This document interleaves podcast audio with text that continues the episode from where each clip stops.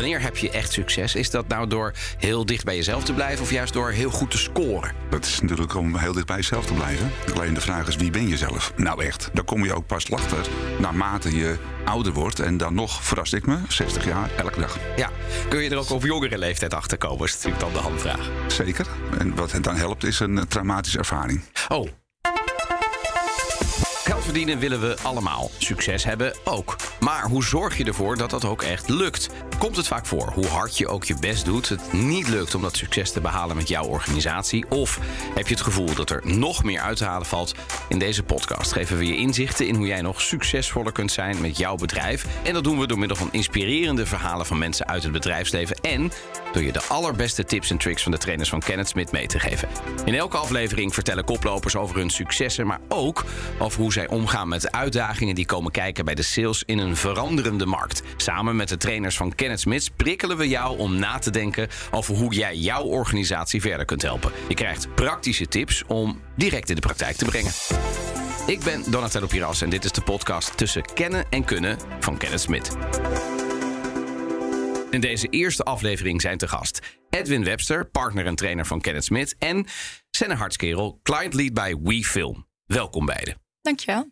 Senne, ik begin even met jou. Jij werkt eigenlijk, zonder dat je dat al wist, al een beetje volgens het boekje van Kenneth Smith. Wat is nou jouw geheim voor succes in het kort? Ik denk dat dat voor mij uh, intrinsieke motivatie is.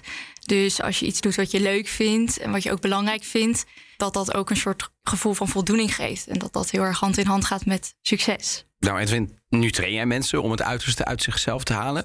Wanneer heb je echt succes? Hè? Wanneer blijft dat? Is dat nou door heel dicht bij jezelf te blijven of juist door heel goed te scoren? Nou, dat is natuurlijk om heel dicht bij jezelf te blijven. Alleen de vraag is, wie ben je zelf? Nou echt. Hè? Dus kent u zelf? Hè? Dat heeft ooit eens een keer iemand bedacht, 500 eh, jaar voor Christus. Ja. Het orakel van Delphi. Ja. Dat is een levensvraag, een existentiële vraag. En een moeilijke vraag lijkt me. Een hele moeilijke mensen. vraag. Daar kom, daar kom je ook pas achter naarmate je ouder wordt. En dan nog, verrast ik me, 60 jaar elke dag. Ja, nu uh, kijk ik naar Senne. Die is geen 60 jaar, Senne. Nee. Uh, kun je er ook op jongere leeftijd achter komen? Is natuurlijk dan de handvraag. Zeker. En wat het dan helpt is een traumatische ervaring. Oh, dat helpt. Dat helpt. Een soort disruptieve ervaring in je persoonlijke leven. Ja.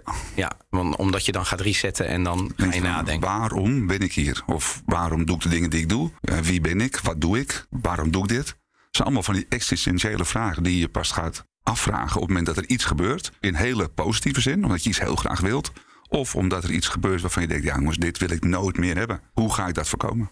Wat is nu jouw persoonlijke motivatie geweest om te doen wat je nu doet? Hè? Trainingen te geven aan mensen die, nou ja, in ieder geval de intrinsieke motivatie hebben om te willen groeien. Wat mij drijft is uh, een, een, een, zinvolle bijdrage leveren aan mensen die op hun beurt een zinvolle bijdrage leveren aan projecten. En of bedrijven die op hun beurt weer een zinvolle bijdrage leveren aan de betere wereld. Want daar krijg jij energie van.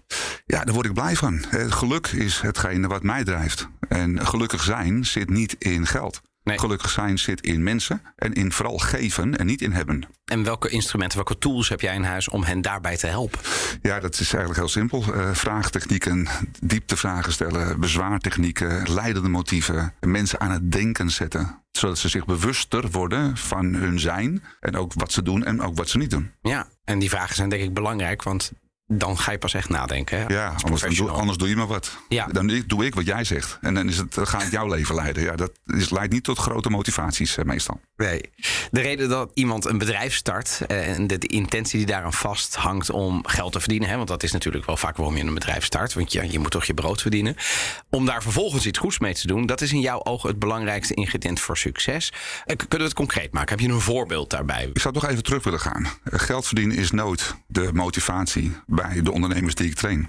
Geld is het gevolg van het feit dat je goede dingen doet voor je klanten. En daardoor kan je innoveren en blijft jouw bedrijf bestaan en gaat je bedrijf groeien, omdat jouw klanten graag meer willen van datgene wat je al heel erg goed doet. Daar heb je ook geld voor nodig. Dus het is niet zo dat geld een doel op zich is. Geld is het gevolg van het feit dat je goede dingen doet. En een middel om verder te groeien. Als jij geen geld verdient, dat is niet duurzaam. Je moet geld verdienen. Alleen het geld is wel het geld wat je leent van je klanten om goede dingen voor hen te doen. Ja, en zijn daar veel voorbeelden van in de praktijk? Ik kan daar wel een aantal voorbeelden van noemen, ja. In de tuinbouw ben ik veel actief. Er zijn bedrijven bezig om ervoor te zorgen dat producten uit die kwekerijen komen. Maar we hebben die mensen niet meer. Of we hebben de mensen wel, maar die willen niet meer in die kwekerijen werken. Dus moet het geautomatiseerd worden.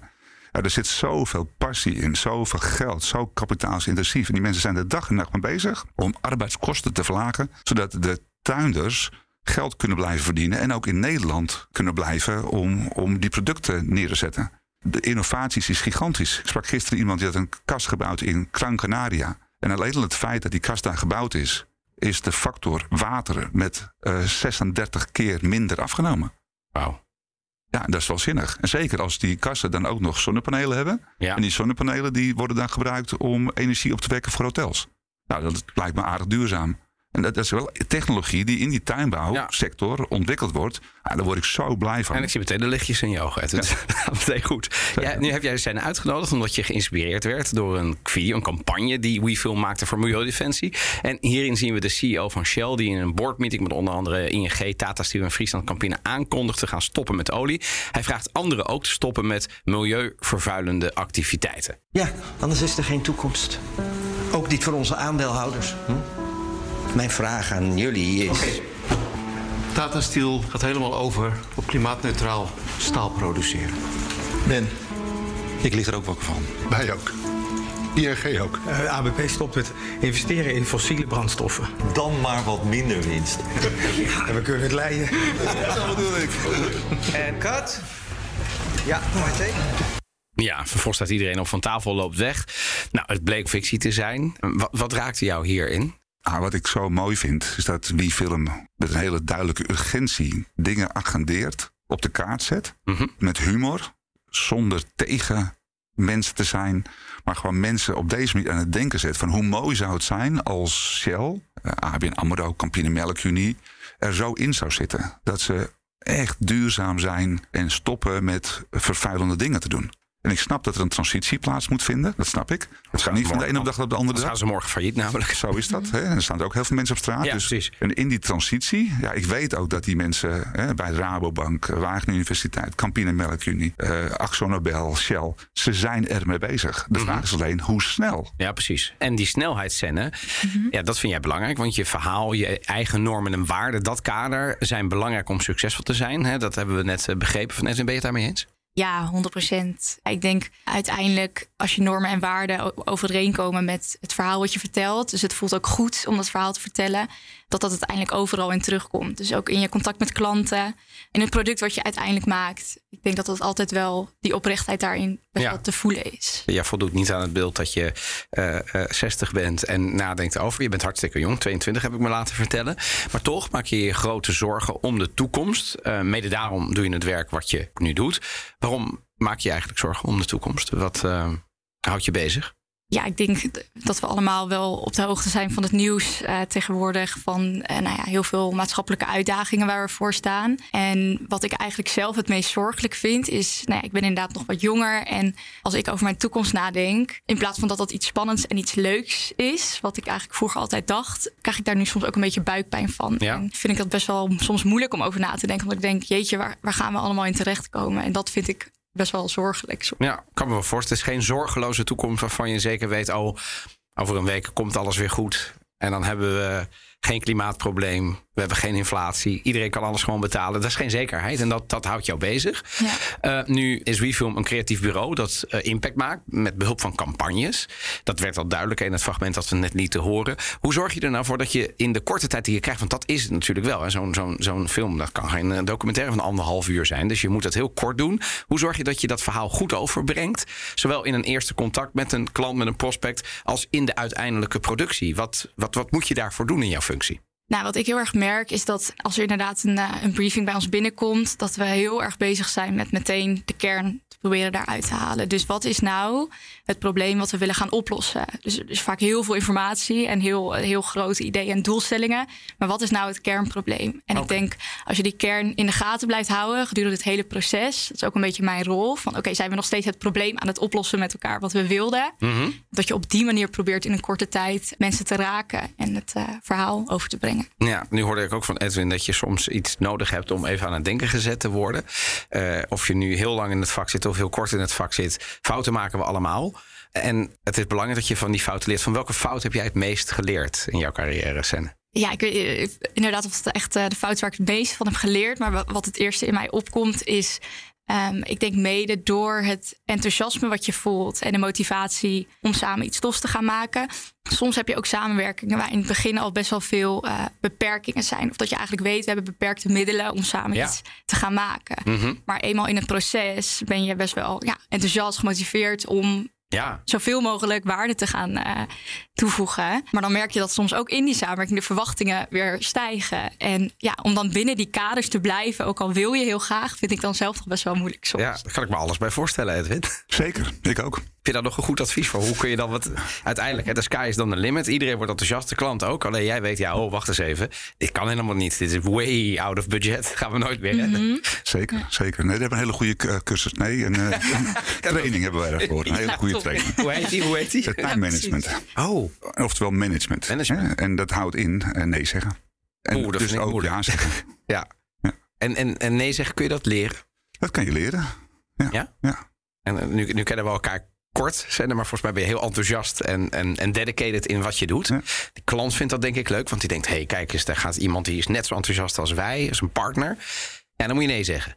Het Ja. klinkt een beetje alsof je moet teleurstellen in mijn. eh, Nou, dat is ook zo.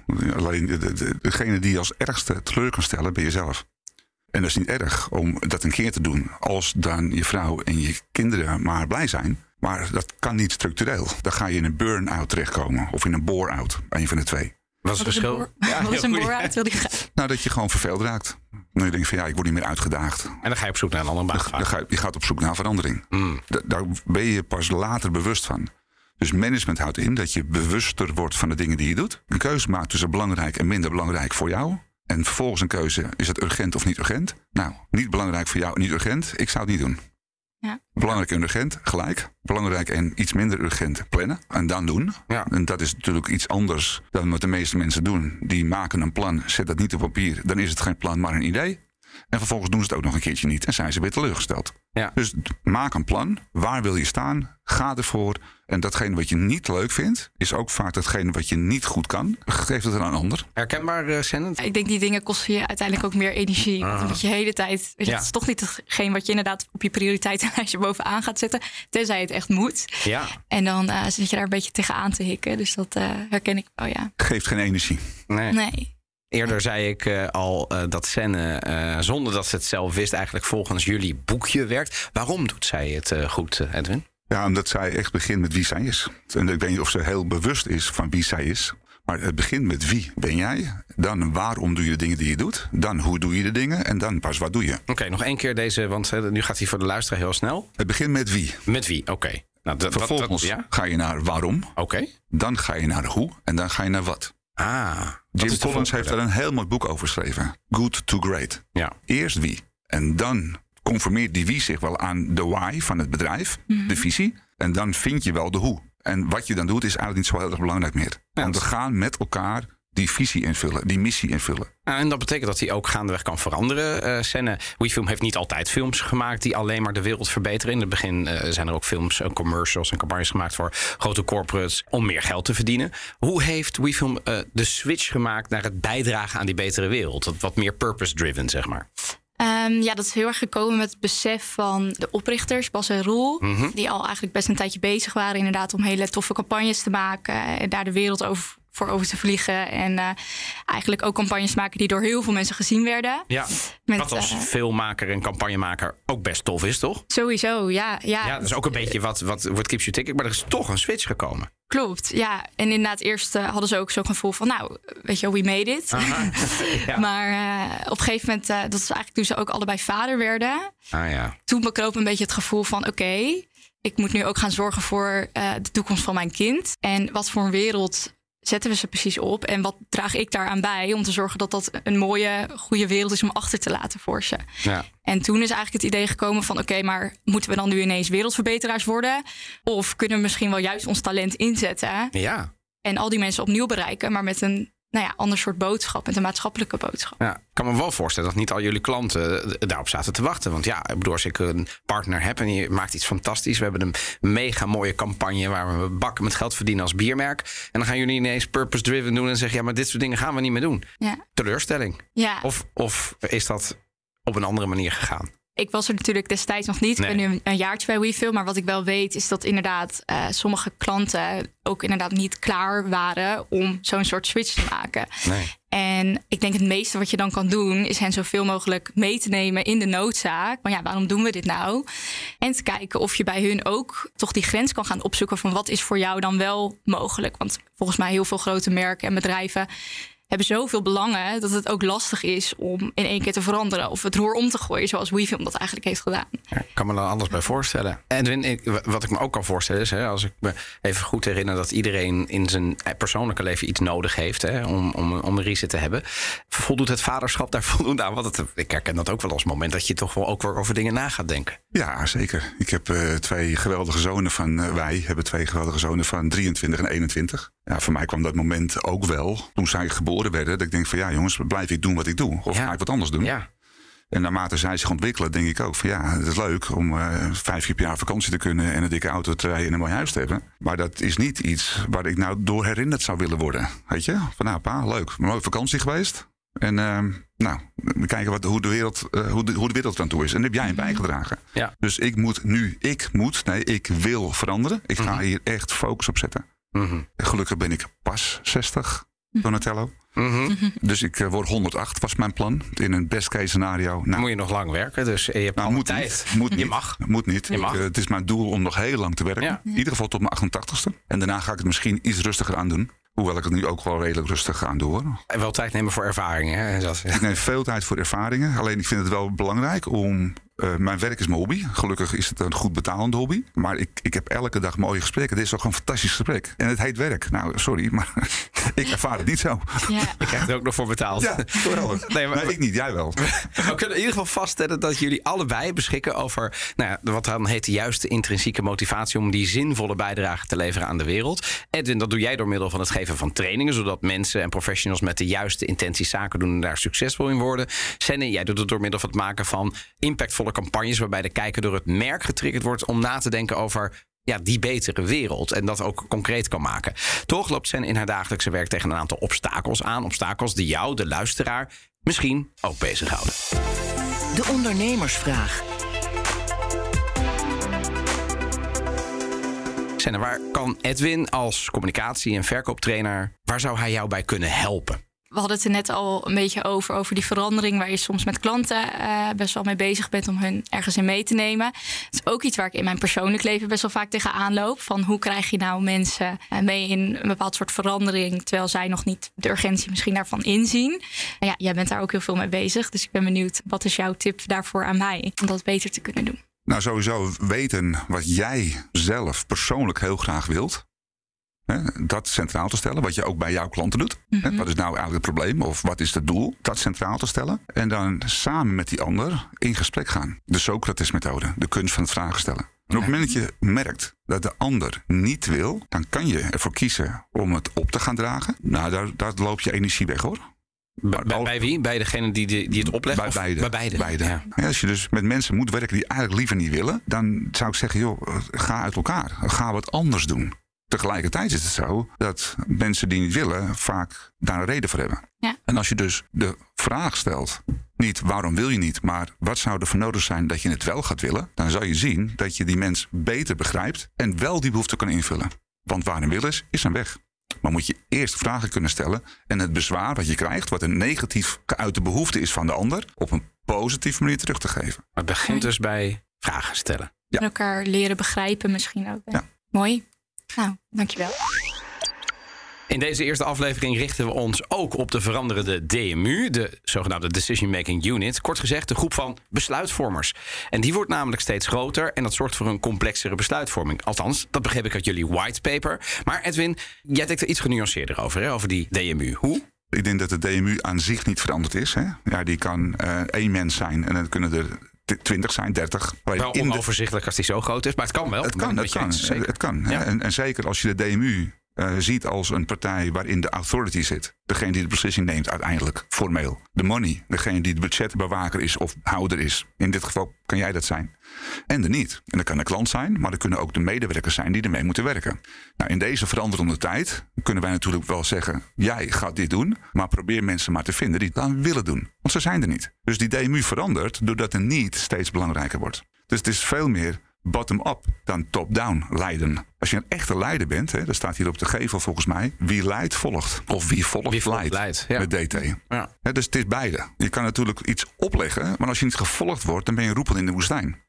Dus leiders worden gevolgd. En dat kan alleen maar als je voorop gaat in de strijd, voorop gaat in de communicatie, voorop gaat in de wereld. En dan zal je zien dat je gevolgd wordt. En dus betekent het dat als je iedereen wil meekrijgen, Edwin, dat je dus ja, management bij example moet doen? Dat je dus dat Zeker. leiderschap moet tonen om er dus voor te zorgen dat daarom iedereen met je meegaat? Mensen doen niet wat je zegt, mensen doen wat je doet. Je wordt gevolgd. hè. Je hebt de jonge kinderen, Donatello. Zeker. Ze doen wat jij doet. Ja, dat is eh, en, en met alle goede dingen en dan ook alle slechte dingen. Alle slechte ja, dingen. Ja.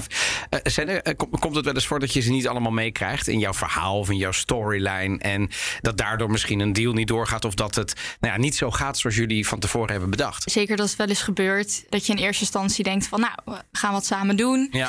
Eh, maar wij stellen ook altijd, vooral in het beginproces, maar dat blijven we wel aanhouden, heel veel kritische vragen. Ja. Want eh, ja, je moet wel van alle kanten weten of het klopt. Soms kom je dan in dat proces achter dat het toch een beetje schuurt. Of dat eh, je merkt van, hmm, de andere partij met wie je samenwerkt begint het toch wel heel spannend te vinden, bijvoorbeeld. En dan stel je wel de juiste vraag eigenlijk hè, als dit gebeurt. Ja, ja, ja, want daar wil je uiteindelijk ook achter komen. Ja. Is het allemaal oprecht? Precies, maar het gevolg is dan dat misschien de deal als zodanig niet doorgaat of zo. Ja, ja, ja, en dat is wel eens gebeurd. En ik denk, eh, wat je dan hoopt, is dat je wel een bepaald soort inzicht mee kan geven. Een soort spiegel eh, voorgehouden hebt van dat het toch iets heeft gedaan. Maar het kan inderdaad zijn dat het dan eh, daarbij ophoudt. Maar dat hoop je natuurlijk niet. Nee, nee, uiteraard. En nu zijn er altijd verkopers die graag willen meegaan met die veranderende markt, Edwin. Maar soms wil kan de directie niet anders, vanwege aandeelhoudersbelang, vanwege moverende redenen. Ja, dan sta je toch een beetje met de rug tegen de muur. Wat zou je die mensen, die verkopers, de salesmensen eh, en misschien ook de leidinggevende, de managers willen adviseren? Nou, als je een verkoper bent, hè, dan die je dus de behoefte van jezelf en de behoefte van de ander centraal te stellen. Ook voor jezelf. Ja, anders is het niet duurzaam. Als jij je eigen behoefte niet centraal stelt, dan ga je ten koste van je eigen behoefte, hè, de behoefte van een ander invullen en dan ga je kapot aan. Ja, maar het is denk ik wel een eye-opener voor misschien veel luisteraars nu. Die, die, die gewoon verkopen en denken, ja, ik heb daar zelf niet zo heel veel geboel mee. Maar mijn baas is blij. Ja, dat, dat, kan een. Ja, Ik kijk met afgrijzen Nee, nu. maar dank, dank je wel voor het inzicht. Ik, ik ben, dat, dat is voor mij dan een blinde vlek. Want ik doe niets wat, vanuit mijn perceptie waar ik zelf kapot aan ga. Ja, maar toch Hè? zitten toch heel veel sales teams. Ja. Ik denk ook met jonge mensen die gewoon ja, die, die de targets gaan halen. Bewuster zijn. Onbewust onbekwaam, bewust onbekwaam, bewust bekwaam en vervolgens onbewust bekwaam. Kijk uit, want de veranderende wereld kan zomaar zijn dat onbewust bekwaam in één keer weer onbewust onbekwaam is. Dus zorg ervoor dat je je tegenspraak organiseert, zou ik willen zeggen tegen die leidinggevende. Ja. En zorg ervoor als verkoper dat je je verkoopvaardigheden ook gebruikt om het aan de interne organisatie te verkopen. Ja, dat lijkt me nog een lastig, hè, dat je die interne organisatie soms meekrijgt. Maar jij zegt dat is wel degelijk belangrijk dat je die ook opgeleid hebt. Tuurlijk, je vertegenwoordigt in je bedrijf de klant en je vertegenwoordigt het bedrijf bij de klant. Dus je moet het twee keer verkopen, intern en buiten. Dat is je vak, dat hoort zo te zijn. Een manager dient het natuurlijk ook te verkopen aan zichzelf, aan de directie en aan zijn medewerkers. Dus verkoopvaardigheden zijn altijd key. Ja, en als je het zo vertelt, dan eh, is verkopen ook echt iets waar je trots op kan zijn. En is het niet iets van de korte termijn en daarna weer door en daarna weer door. dit is, dit is spijker op zijn kop. Ik heb een keer een training mogen geven voor Wageningen Universiteit Research Center. Voor een aantal hoogleraren, geweldige mensen. Ik wil was- dat zeggen, de ik was ho- hoog aangeschreven universiteiten in. Nederland en in het buitenland. Zeker. Toonaangevend. Ik was trots en, en ongelooflijk nerveus. Want ja, ik heb natuurlijk niet zo'n hoge opleiding als deze mensen. Ja, die waren niet geïnteresseerd in verkoopvaardigheden, merkte ik. Dus ik ging vragen stellen. Zeg maar, wat, wat, wat versta je nou onder verkopen? Dat was zo ongeveer de, de definitie van oplichten. Mensen iets verkopen wat ze niet nodig hebben. Graszaad verkopen op de Noordpool en ijs en Eskimo's. Dat is natuurlijk niet wat mijn perceptie van verkopen is. Nee, maar dat zijn, de IJsland Esco was ook een boek, weet je wel. Dus dat zijn dan de, de, de beelden die je meteen hebt van verkopen. Waardoor je soms denkt, "Ah, dit wil ik niet. Ja. Eh, herkent het. Ik zeg dat is letterlijk het gevoel wat ik een beetje had. Ik heb een commerciële studie gedaan. Ja. In het begin vooral dacht ik van ja, maar ja, ga ik dan nu deze studie volgen en dan ga ik dadelijk ook nog een paar koekjes op de markt brengen. Maar dat wil ik eigenlijk helemaal niet. Mensen wel, iets verkopen wat ze eigenlijk niet willen. En ja, daar iets dan wat er trots al op lang, zijn. Precies, en iets wat er al lang is. En iets waar ik dus geen voldoening uit haal. Maar later realiseerde ik me ook dat het inderdaad eh, gewoon niet gaat om zomaar iets verkopen. Maar als je er ja, zelf in gelooft, toch? Dat je. Dan gaat het eigenlijk automatisch. En dan, en dan ben je niet meer bezig met verkopen. Maar dan ben je gewoon bezig met je, met je Waarde toevoegen. Ja. De behoefte Ja. in te vullen van de ander, terwijl je je eigen behoefte ook invult. Ja, dat, Ja. dat laatste vind vind ik wel een mooie eye-opener. Want die behoefte van de ander kan ik me als verkoper heel levendig voorstellen.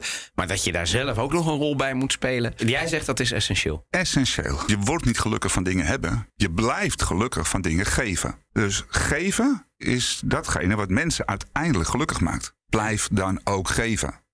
Maar geef niet iets van jou wat je niet kwijt wil. Terwijl aandacht, tijd, is het belangrijkste wat je kan geven. En tijd is geld, zou je kunnen zeggen. Maar ik bezit echt geen minuut aan mensen die mijn aandacht niet waard zijn. Nee? Kap ik mee. Gewoon nee, dat gaan we niet doen. Gaan we niet Daar heb ik geen zin in. Nee. Ik ga geen wapenleverancier in Zuid-Afrika trainen. Nee? Ga ik niet doen. Nee, daar heb ik geen zin in. Of er moet een intrinsieke motivatie zijn om te veranderen. Ja, ja. Ja. Nee, maar dat zijn, ik, ik heb daar niks mee. Ik vind dat zo voor mezelf zo moeilijk. Terwijl ik ook wel snap dat wapens ook gebruikt kunnen worden om je te verdedigen. Dat Nou ja, snap ik wel. Oekraïne heeft ze nu nodig. Ja, daarom. Weet je, dus dat is is- er altijd een dilemma ook. Dat is ja, yin-yang, hè, dat verhaal. Ja, Senne, hoe zie jij je toekomst? Eh, eh, eh, blijf je bij WeFilm? Of zie je jezelf ooit voor een andere organisatie werken? Voor Shell? In een transitie? Eh, ja, ik zit nu nog goed bij WeFilm. Dus eh, wat ik wel merk is, ik ben nu mijn carrière begonnen vanuit dus dit hele verhaal met mijn studie. En dat ik denk, ja, ik wil heel graag met dit soort thema's bezig zijn. Waardoor het al bijna inderdaad een beetje heel ver van mijn bedshow voelt om voor een hele grote corporate op de communicatieafdeling te gaan werken. Van de andere kant, ja, zeg nooit nooit. Ze hebben overal mensen nodig. Maar ik denk wel dat die maatschappelijke hoek voor mij heel belangrijk. Ja, er is wel één groot voordeel in de toekomst de komende jaren, Senne. Als je aan het begin van een roemruchte carrière staat met zoveel tekorten, weet je in ieder geval zeker dat je de komende jaren wel aan de bak blijft, om het zo te zeggen. Die werkloosheid, dat, Ja, eh, dat dat, dat is ook wel een belangrijk. nou ja, we hebben veel geleerd vandaag, met name over jezelf en over de rol die je dus zelf hebt in een organisatie. Het begint dus met wie je zelf bent, onder andere. Als je zelf niet beslissingsbevoegd bent binnen je organisatie, maar je wil wel een verandering teweeg brengen, tot slot, Edwin, hoe zou je dat dan aanpakken? Nou, ik heb daar moeite mee. Ik heb eh, nooit voor een baas kunnen werken. Maar ik heb wel twintig jaar voor een geweldige leider gewerkt. Ik heb alleen altijd het gevoel gehad dat ik met hem gewerkt heb. Verschrikkelijk veel van geleerd. Dus ik heb moeite met als je er nou niet blij mee bent. Dan zou ik gewoon weggaan. Dan zou ik gewoon stoppen. Oh, maar eerst even een paar vragen stellen. Ah ja. Van, goh, jongens, eh, waarom willen we daarheen? Waarom doen we dat op deze manier? Wat is de reden dat we niet nu linksaf gaan? Want ik dacht we dat we rechtsaf zouden gaan. Ehm, en registreer dan wat er gebeurt. Rapporteer, analyseer, plan, onderneem actie, reflecteer en blijf rustig. En wat is dan voor jou de grootste reden om het inderdaad op die manier aan te pakken? Voordat je bijvoorbeeld weggaat? Nou ja, soms, eh, ik heb gemerkt dat, dat je soms, ehm, dat er iets gebeurt wat je niet snapt. En ik denk dat het dan, als je met mensen praat en je best doet om die mensen te begrijpen, dat je samen heel verder komt. Ik ben al 30 jaar getrouwd. Ik snap niets van mijn vrouw. Helemaal niets, nee. Maar een geweldig mens. We willen allebei hetzelfde, gelukkig zijn. En zij doet het op haar manier en ik doe het op mijn manier. Maar zij zit op een heel ander eiland als waar ik zit. En dan is er een brug en dan moet ik soms die brug over naar haar eiland. En dan zie ik dingen dat ik denk, ja, jouw eiland ziet er inderdaad anders uit. Gelukkig kon ze ook wel eens over de brug naar mijn eiland. Dan zeg ik, ja, ik snap wel dat je vanuit dit, deze perceptie kijkt naar de dingen zoals jij er naar kijkt. Dat is niet fout, dat is niet goed, het is anders. En samen bereik je dan heel veel. Omdat ik ongelooflijk veel van haar leer en zij ook van mij. Nou, laten we Mooi. dat een wijze levensles voor eh, niet alleen het huwelijk, maar ook voor de professional op de werkvloer. Laat jouw DMU vooral ook naar deze podcast luisteren als je nu luistert en stuur hem door. Ik ga mijn gasten bedanken. Senne Hartkerel, client lead bij WeFilm. En Edwin Webster, partner en trainer bij Kenneth Smit. En in de volgende aflevering van deze podcast hebben we het over jouw aanpassingsvermogen. Want niet alleen de tijd, maar ook de ontwikkelingen, die gaan razendsnel. Je zou er bij wijze van spreken de hele werkdag mee kunnen vullen. Maar hoe zorg je dan toch dat je bijblijft, dat jouw organisatie flexibel wordt en blijft? Luister dus naar de podcast tussen kennen en kunnen van Kenneth Smit via jouw favoriete podcast-app. En wil je weten wat Kenneth Smit voor jouw organisatie kan betekenen? Doe dan de Business Scan op de site en ontdek hoe we jouw organisatie op weg naar de top kunnen bereiken. Kijk op kennethsmit.com. Dankjewel.